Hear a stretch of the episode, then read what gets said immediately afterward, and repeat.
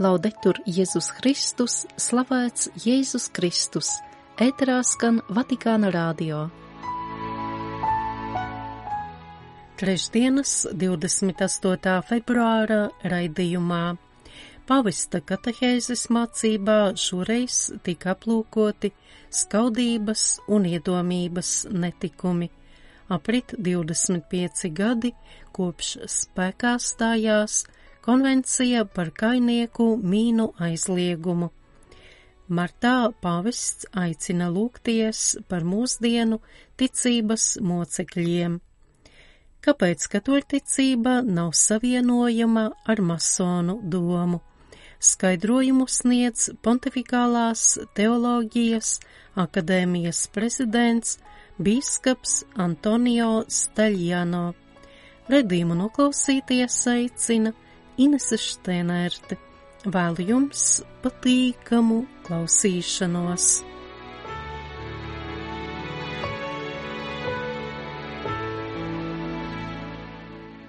Trešdienas 28. februāra vispārējās audiences laikā pāvests aplūkoja divus netikumus - skaudību un iedomību Lasot radīšanas grāmatu, atklājam, ka skaudība ir viens no vissenākajiem netikumiem. Kaina naids pret ābelu rodas tad, kad kains pamana, ka dievam patīk ābela upuri. Skaudīga cilvēka seja ir vienmēr drūma, norādīja Francisks. Viņa acis ir nodurtas uz leju, viņš neko neredz, jo prātu nodarbina ļaunas domas. Ja skaudība netiek kontrolēta, tā noved pie naida pret otru cilvēku. Kaina roka nogalināja ābelu, jo Kains nevarēja ciest, ka viņa brālis ir laimīgs. Skaudības ļaunumu ir pētījuši ne tikai kristieši, bet tā ir piesaistījusi visu kultūru, filozofu un zinātnieku uzmanību.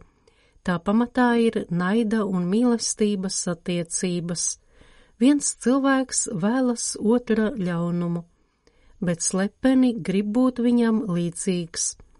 Otrs mums parāda, kādi mēs gribētu būt, bet patiesībā nesam. Viņa veiksme mums šķiet netaisnība. Mēs domājam, ka paši noteikti būtu vairāk pelnījuši viņa panākumus un laimi. Pāvests paskaidroja, ka skaudības netikuma pamatā ir nepareizs priekšstats par dievu. Mēs negribam pieņemt, ka dievam ir sava matemātika, kas atšķiras no mūsējās. Piemēram, evaņģēlija līdzībā par pēdējās stundas strādniekiem teikts, ka saimnieks viņiem izmaksā tādu pašu algu kā tiem, kuri nostrādāja visu dienu. Vai man nav tiesība ar savām lietām darīt to, ko es gribu? Vai tava acs ir skaudīga, kas esmu labs? Viņš jautāja. Francisks atzina, ka mēs gribētu uzspiest dievam savu egoistisko loģiku, taču dieva loģika ir mīlestība. Labumi, ko viņš mums dod, ir domāti, lai mēs ar tiem dalītos. Tādēļ svētais Pāvils mudina kristiešus: Brāļu mīlestībā mīliet viens otru, godbijībā pārsteidziet citu citu. Lūk, zāles pret skaudību, piebilda svātais tēvs. Katehēzes turpinājumā pāvests pievērsās otram netikumam, iedomībai, kas iet roku rokā ar skaudības dēmonu. Abi netikumi piemīt tādam cilvēkam, kurš domā, ka ir pasaules naba, ka var visu un visus izmantot, ka viņam pienākas visa cieņa un mīlestība. Iedomība ir uzpūsta un nepamatota pašcieņa. Iedomīgais redz tikai savu es. Viņam trūkst empātijas, un viņš nepamana, ka pasaulē bez viņa dzīvo vēl arī citi cilvēki. Viņa attiecības vienmēr ir instrumentālas attiecības. Viņš cenšas otru dominēt. Viņam jāparāda visiem sevi, savi sasniegumi un panākumi. Viņš visu laiku ubago uzmanību. Taču, ja kādreiz viņa labās īpašības netiek atzītas, tad viņš stipri sadusmojas. Citi ir netaisnīgi, nesaprot, nav savos augstumos. Romas bīskaps norādīja, ka iedomības kārdinājums var skart arī mūkus.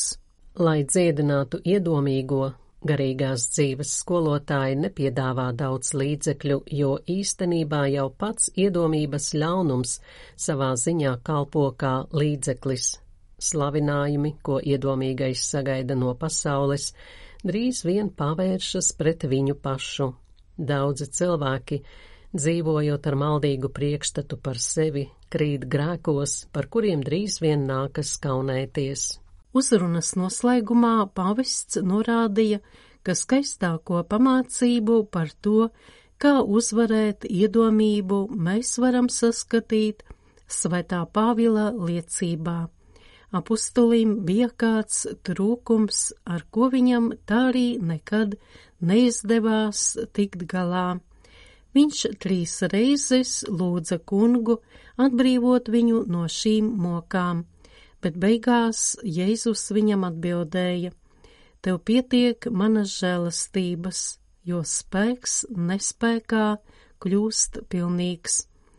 Kopš tās dienas Pāvils bija atbrīvots, sacīja Francisks, norādot, ka pustuļa beigu piebildei būtu jākļūst arī par mūsējo tāpēc es labprāt dižošos savā nespēkā, lai Kristus spēks majotu manī.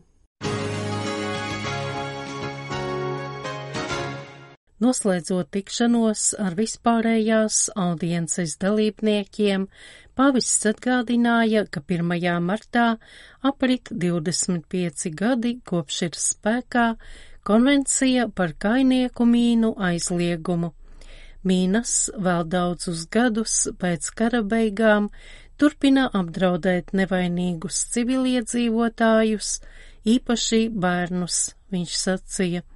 Svētais tevs izteica līdzjūtību daudzajiem šo iznīcinošo ieroču upuriem, kas mums atgādina par kara dramatisko nežēlību un par cenu, ko ir spiesti maksāt civiliedzīvotāji.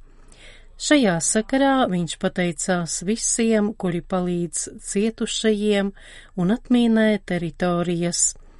Viņu darbs ir konkrēta atbilde visiem cilvēkiem adresētajam aicinājumam veicināt mieru un rūpēties par saviem brāļiem un māsām.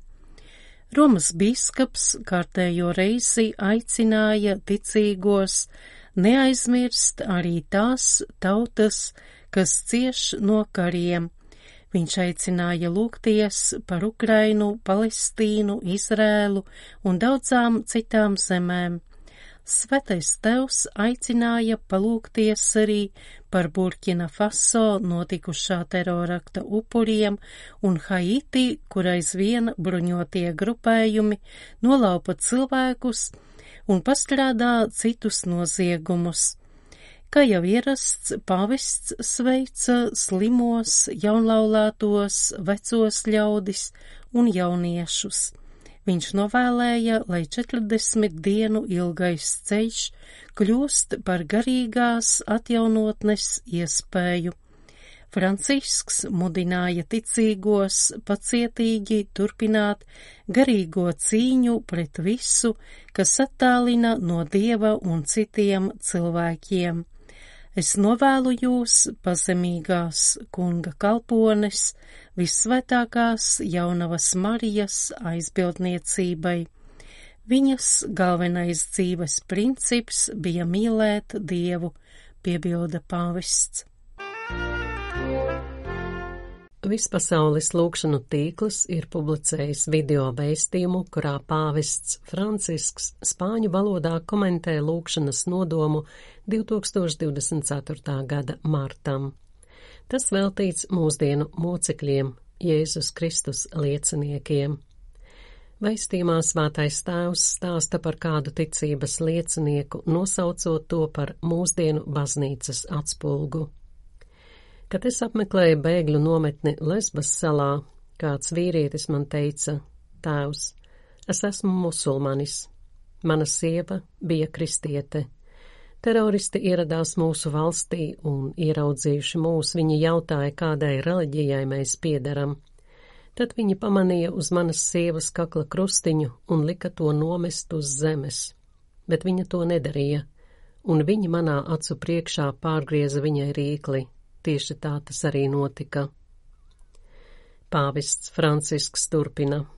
Es zinu, ka šim cilvēkam nebija nekāda aizvainojuma. Šo vīru pārsteidza viņa dzīves biedras mīlestības piemērs. Tā bija viņas mīlestība uz Kristu, kas lika viņai pazemoties un būt uzticīgai līdz pat nāvei.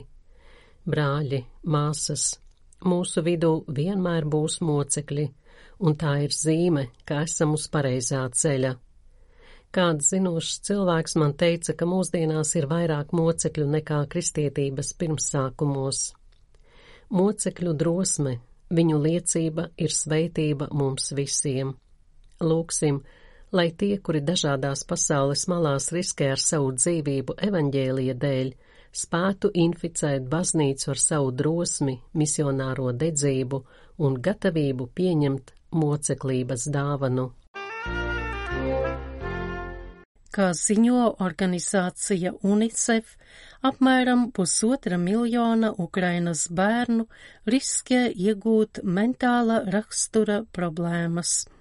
UNICEF atbalstītais sanitārās aprūpes fórums Ļevivā ir izstrādājis platformu, kurā aicina mediķus un citus iesaistītos speciālistus dalīties ar informāciju, kas balstās uz konkrētiem bērnu mentālās veselības datiem, kā arī vestīt par citām problēmām, kam ir ietekme uz viņu veselību.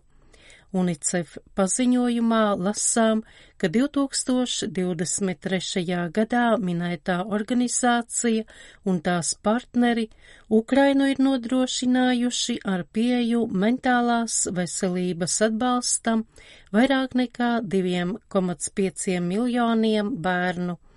Savukārt zemēs, kuras uzņem ukraiņu bēgļus, organizācijas atbalstu ir saņēmuši vairāk nekā 1 miljons 300 tūkstoši bērnu un personu, kuras par tiem rūpējas.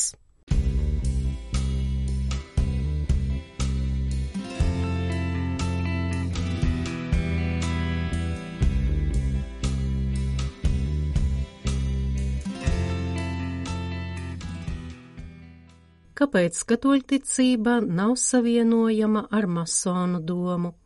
Skaidrojumu intervijā Vatikāna medijiem sniedz Pontifikālās teoloģijas akadēmijas prezidents Bīskaps Antonio Staļjano.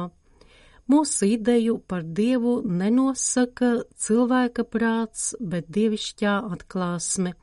Viņš norāda, piebilstot, ka katoļticībā un masonērijā dziļi atšķiras arī izpratne par brālīgumu un tuvāk mīlestību.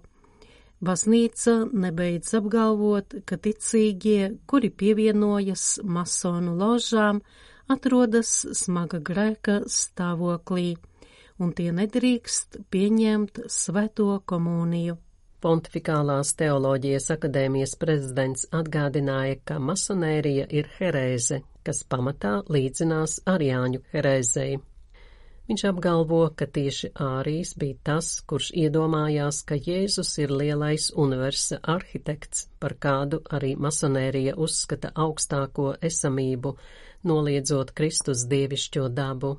Lūk, kāpēc Nīkajas koncils, kuram drīz aprutēs 1700 gadi, apgalvo, ka Jēzus ir dzemdināts, neradīts, viņš ir Dievs no Dieva, gaisma no gaismas, patiesas Dievs no patiesa Dieva. Tieši ideja par universa arhitektu, ko izvirza masoni, nav savienojama ar katolisko ideju par Dievu Tas ir tāpēc, ka šī ideja ir auglis, ko savā prātā radījis cilvēks, kurš vēlas sevi iztēloties par dievu, kamēr katoļu dievs ir paša dieva atklāsmes auglis Jēzu Kristu. Tas ir vēsturiska notikuma auglis, kad Dievs kļuva cilvēks, tuvojās cilvēkiem, runāja ar visām cilvēciskām būtnēm, padarot tās par savas pestīšanas mantiniecēm. Arī masonu brālīguma jēdziens atrodas gaismas gadu attālumā no brālīguma katoliskajā ticībā, turpina bīskaps Staļjāno. Viņš paskaidro, ka mūsu brālīgums tiek iedibināts līdz ar Dieva mīlestības sakramentu Jēzu, tas tiek iedibināts Euharistijā, nevis balstoties tikai uz vispārēju ideju būt par brāļiem. To pašu var attiecināt arī uz kristīgo tuvāk mīlestību, kurai nav nekā kopīga ar masonu filantropiju. Kristīgā tuvāk mīlestība atbilst Dieva vēsturiskajam notikumam, kurš mūsu dēļ ir miris un augšām cēlies, un kurš no saviem bērniem prasa būt ne tikai filantropiskiem, bet nepieciešamības gadījumā būt piekaltiem pie krusta mīlestības dēļ. Būt katolim un piederēt masonērijai ir divas pilnīgi nesavienojamas lietas turpina Pontifikālās teoloģijas akadēmijas prezidents. Viņš uzsver, ka masonērijas iekšienē attīstās tieksme pēc okultas varas, kas ir pretrunā ar kristieša nostāju. Katrā ziņā runājot par nesavienojamību, tiek izceltas dziļas pretrunas. Cits svarīgs punkts, kas norāda uz milzīgo atšķirību, ir ezotērisms, ko veido bieži vien slepenas un tikai iniciāciju izgājušām personām paredzētas spirituālas doktrīnas, ar kādām ir piesātināta masonu mācība. Bīskaps Taļjāno atzīmē, ka arī katoļu ticībā tiek runāts par noslēpumu, taču evaņģēlī vēstī, ka gadsimteņiem apslēptais noslēpums nepārtrauc būt noslēpums, bet tas pārtrauc būt apslēpts, jo gadsimteņiem apslēptais noslēpums ir atklāts. Runājot par gadsimtiem ilgo masonērijas nosodīšanu no katoliskās baznīcas puses, Pontifikālās teoloģijas akadēmijas prezidents atgādina, ka līdz šim pēdējā atbilde kas izskanējusi šajā jautājumā, ir 2023. gada 13. novembrī ticības mācības dikastērija vēstule biskapam Filipīnās. Pavista Franciska apstiprinātajā vēstulē norādīts, ka katoļu pierakstīšanās masonu rindās paliek aizliegta. Ticīgie, kas pievienojas ložām, atrodas smaga grēka stāvoklī, un tie absolūti nedrīkst pieņemt komuniju. Intervijas noslēgumā atgādina bīskaps Staļjano.